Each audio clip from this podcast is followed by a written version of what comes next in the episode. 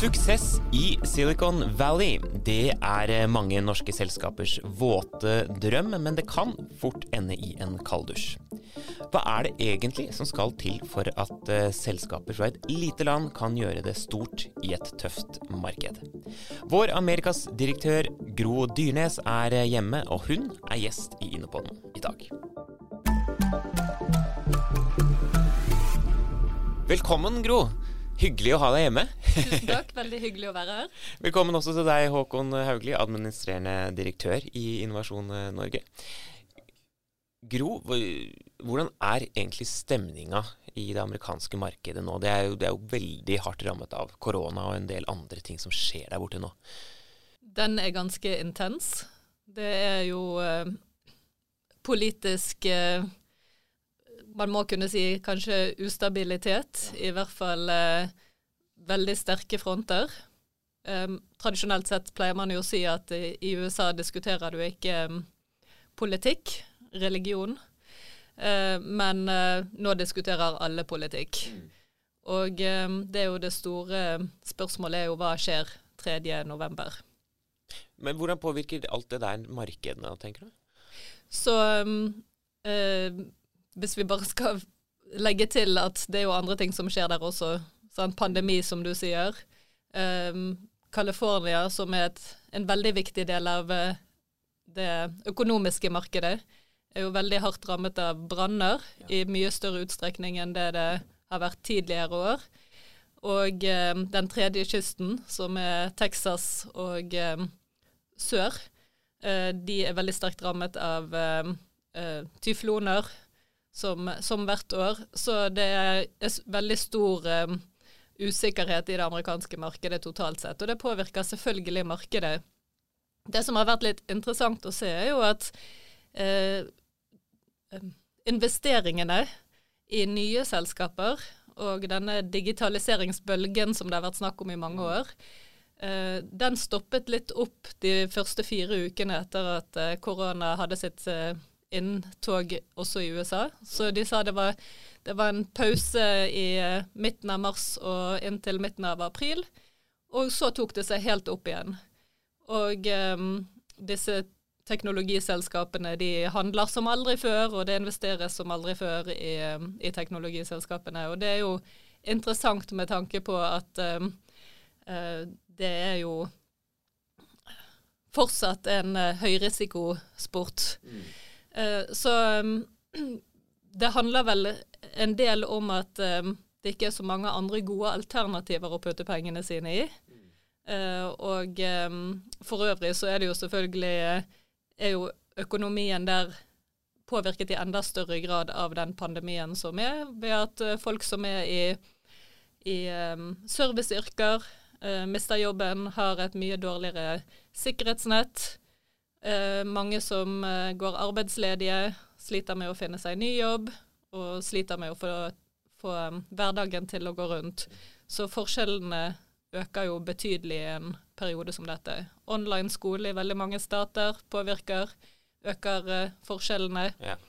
Så um, det er en veldig forskjellig stemning der versus her. Ja, for nå har du jo si. vært her en liten stund nå. nå har jeg vært i Norge i tre uker, ja. og uh, her er det jo uh, mer en opplevelse av at uh, har korona noen gang egentlig kommet til Norge? ja, ikke sant. det setter jo ting litt i perspektiv. Da. Og, det, og, og, du sitter jo, du var inne på det du, med, med, teknologi. Du sitter vanligvis i, i, Silicon Valley. Og hvor viktig er Silicon Valley nå, eh, hvis man vil inn i USA? Er det liksom en hype, eller må man innom der som et uh, norsk teknologiselskap, da f.eks.? Ja, vi pleier å si at uh, hvis du opererer innenfor software, så bør du i hvert fall vite hva som skjer i Silicon Valley. Mm. Uh, og det mener jeg står ved lag, uh, og det handler om at um, det, det tilflyter uh, så vanvittig mye høyere summer til vekst fra kompetente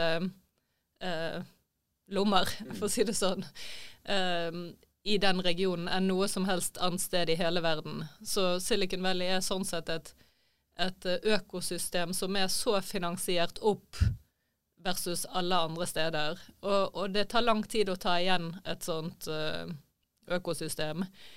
Eh, men det skal sies at der, nå er det også flere andre steder som er interessante. Tidligere var det kanskje Silicon Valley som var sånn åpenbar ener, og det er det fortsatt. Men, men det dukker opp andre steder som man bør være klar over. Og vi mener jo også at hvis du er, opererer innenfor hardware, så bør du også vite hva som foregår i Kina. Du trenger ikke å være fysisk til stede, og nå i enda mindre grad kanskje enn før men du må vite hva som skjer. For vi har jo kontorer flere steder. Du er, leder jo da Amerikas, som vi kaller det. Kan du bare liksom kort eh, fortelle hvor, hvor er vi, og, hvorfor? Så vi er seks forskjellige steder i regionen Americas. Vi er i Canada, vi er i DC, vi er i Silicon Valley, i New York og i Houston, og vi er i Rio. Og vi eh, etterstreber å plassere oss der hvor eh, det er en god um, kombinasjon av eh, norske kapabiliteter og behov i det lokale markedet. Så vi ønsker både å hjelpe norske selskaper å lære av det lokale markedet og forstå behovene. Og vi eh, ønsker å også promotere det beste av det Norge har å by på i disse områdene. Så det kan variere litt. I DC jobber vi utelukkende med å få ut så mye som mulig av um, Eh, gjenkjøpsavtalen mellom Norge og USA innenfor eh, forsvar og cybersecurity. Eh, mens i Silicon Valley er det teknologiorientert. I Canada og i Brasil er det f.eks. energiorientert, maritimt orientert osv. Så, videre. så det er liksom flere porter inn litt ut ifra hvilken sektor du driver innenfor, da? Ja. ja.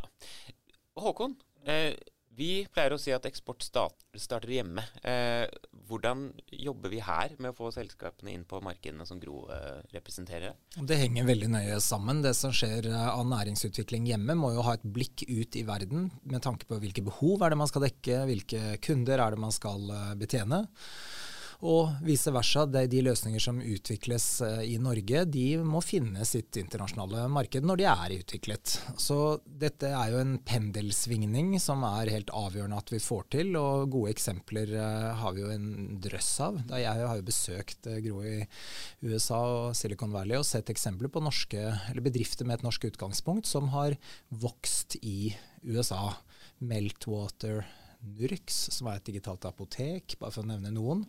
Og noe som slo meg veldig da jeg var der, var hvor store investeringer som gjøres i grønn energi i USA. Det tror jeg kanskje ikke alle nordmenn er klar over, hvor enorme de investeringene som gjøres i solenergi, vindkraft, er i USA. Og det gir markedsmuligheter for norske selskaper. Det er ikke det vi får høre mest om nei, fra nei. der borte akkurat nå. nei, og jeg var veldig personlig overrasket over at ja. Texas er blant de statene som gjør de aller største investeringene i grønne energiløsninger. Ja. Og det, Dette er jo bare noen eksempler da, på at det er viktig at når norske selskaper da tenker hvordan skal de utvikle energiløsninger eller digitale løsninger eller hva som helst annet, så er det avgjørende, og, og for, særlig i Norge fordi vi er et lite land, å ha blikket ut. Hva, hva slags problem er det vi skal løse, og for hvem? Og samtidig så må vi ha en god rigg for å bistå selskaper som skal ut i verden, som jo da Gro representerer en viktig del av.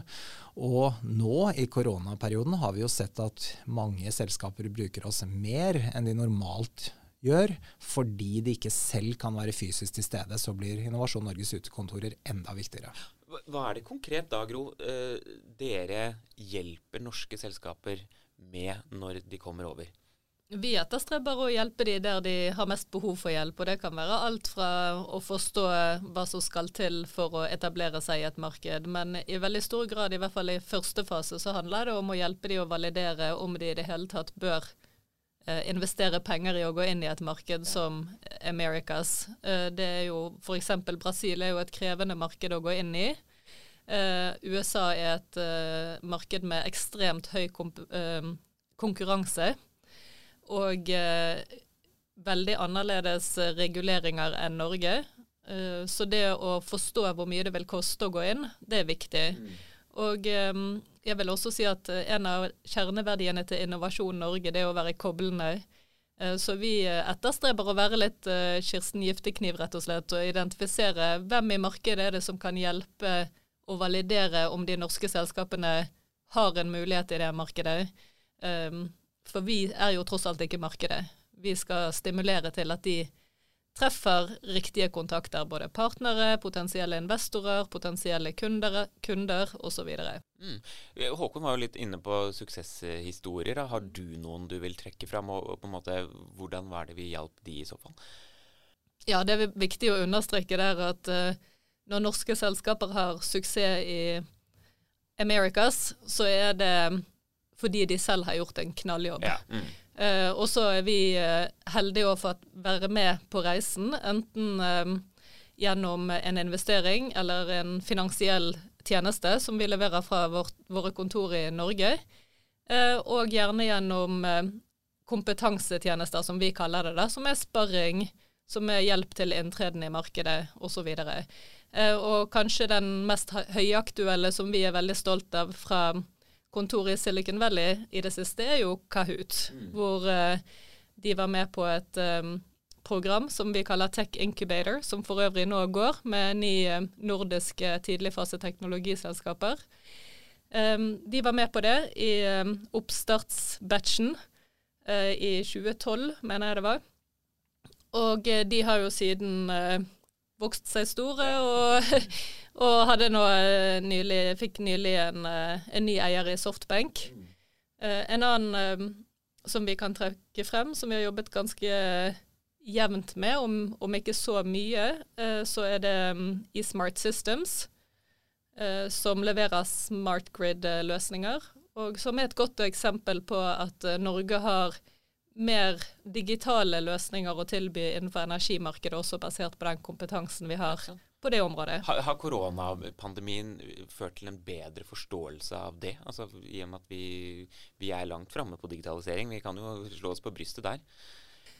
Jeg vil si at um, det er på en måte åpenbart at vi må bruke tekniske løsninger. Jeg, jeg synes Det amerikanske markedet har, sånn som jeg ser det, i hvert fall i Silicon Valley, aldri snakket om digitalisering på samme måte som vi gjør i Norge. Og det handler vel kanskje om at alt er eh, teknologibasert i Silicon Valley. Så det er nok mer i de tradisjonelle industriene at man bruker det ordet. Eh, det vi har vel kanskje blitt litt overrasket over, er at de har opprettholdt og kanskje styrket sin forståelse av at eh, bærekraftige løsninger er viktig. Vi var litt redd for at det ville gå ut litt med badevannet nå i korona, når man begynner å fokusere på, eller må fokusere på kjernevirksomheter. Um, at man setter da bærekraftsinitiativene litt på vent. Men uh, vi har egentlig sett en økt interesse for uh, uh, bærekraftige løsninger um, også fra det amerikanske markedet. Håkon, vi var litt inne på dette med mulighetene i det amerikanske markedet. Da. Hvilke ser du på som de beste type selskapene å sende videre til, til Gro? Da? Så jeg tror Selskapene må selv gjøre den vurderingen. Det som er viktig for oss, er å ha et, um, en god forståelse av markedet, eller det vi kan kalle økosystemene ute. Og bistå de bedrifter som har reelle forutsetninger for å lykkes. Og det er viktig å minne om også at dette er ikke en enveis gate. Det er altså investeringer i Norge, utløst av eh, det arbeidet som gjøres i Investin, er f.eks. en viktig del av eh, internasjonaliseringsarbeidet. Det er viktig for å igjen da gjøre norske bedrifter i stand til å ta internasjonale posisjoner. Så internasjonaliseringsarbeid og eksportarbeid er viktig. Og så er det noen områder som åpenbart peker seg ut da, som veldig aktuelle for norsk næringsliv av mange grunner. Og det ene er energi, altså hele alle mulige former egentlig for energi, og nå særlig fornybar fornybare energiløsninger, og kanskje aller mest havvind. Um, så det er viktig. Og så har vi innenfor det digitale um, området, så jeg er veldig enig, jeg er litt skeptisk til dette ordet digital, av digitalisering, for det er på en måte alt mulig. Men, men det er klart det har skjedd noe veldig fundamentalt uh, over mange år, egentlig. Og vi er i, hvis vi ser på vår portefølje av finansieringsprosjekter i Norge, så har antallet digitale prosjekter, eller IKT-prosjekter, tredoblet seg fra 2019 til 2020. Og nå har jo Gro allerede nevnt Kahoot, men Pexip ble altså børsnotert som den største nordiske tech-børsnoteringen i koronakrisen. Så det har skjedd noe, og dette økosystemet vi har lykkes med å skape da, i Norden, får vi si, på digitale løsninger, kombinert med sterk sektorkompetanse, bl.a. innenfor energi, det er, tror jeg, Nordens og Norges fortrinn inn i markeder som det amerikanske. Her er vi verdensledende, og vi eh, har løsninger som det er reell etterspørsel etter. Mm. Til slutt da egentlig spørsmål til dere begge. da. Jeg kan begynne med deg, Gro. Eh, hvorfor er det viktig at vi i Innovasjon Norge er til stede i de markedene vi skal ha folk eh, inn i, altså rent fysisk med disse kontorene våre? Ja, takk. Det er jo et uh, spørsmål som vi prøver å stille oss selv hele tiden også. fordi hvis, hvis ikke vi er aktuelle for det norske næringslivet, så bør vi jo rett og slett ikke være der. Men uh, det vi ser er jo, som Håkon var inne på, at kanskje spesielt i kriser hvor selskapene selv ikke kan reise fysisk til markedet, så er det nyttig å være til stede og ha en forståelse av hva som faktisk skjer der. Hvorfor markedet reagerer som det gjør eh, i forhold til den krisen som de står oppe i. da. Eh, og ikke minst det at det tar tid å etablere et lokalt nettverk. Og eh, det er ikke sikkert at norske selskaper har Eh, har tid til, eller ønsker å benytte eh, den tiden som det tar å bygge opp det nettverket, og at de da kan eh, dra nytte av vårt, vårt, nettverk, tror jeg er noe av det aller viktigste vi kan gjøre. Hva tenker du Håkon? Nei, Veldig enig i det. Altså, det. Jeg tror man bare erkjenner det er ikke enkelt å komme inn i noe marked. Alle markeder har sin unike kompleksitet. Og det å ha personer som forstår det. Det kan være dreie seg om alt mulig, som, alt fra regulering til eh, bestemte mm, kulturelle ting som man skal være oppmerksom på, eller eh, korrupsjon eller annet som det er viktig å ha kjennskap til. Og det at vi som Norge kan dele den kunnskapen og, og i fellesskap da greie å eh, bistå, det tror jeg er liksom kjernebegrunnelsen for at det skal være også en aktør som Innovasjon Norge skal ha folk ute i markedene. I, ja, og i, i, tillegg så tenker jeg at vi som organisasjon, og, og, egentlig Norge, da, eh, har jo en grunnleggende og veldig stor eksportutfordring. Og vi minner oss selv om det. Vi vet at vi må doble eksporten av annet enn olje og gass innen 2040. Det er en stor utfordring for oss, og det innebærer at vi må ha en sum av gode verktøy for å drive næringsutvikling hjemme, slik at vi kan bringe frem disse tjenestene og produktene som skal eksporteres. Og i tillegg må vi ha en god rigg ute for å bistå bedriftene. For det handler grunnleggende sett om bedrifter som vokser og tar posisjoner ute, og det er en jobb som ingen gjør alene. Veldig hyggelig da å vite at du nå skal reise tilbake, Gro, og ivareta dette viktige oppdraget. God tur, og tusen takk for at du kom innom Innopodden. Vi er tilbake neste uke. Takk til deg også, Håkon.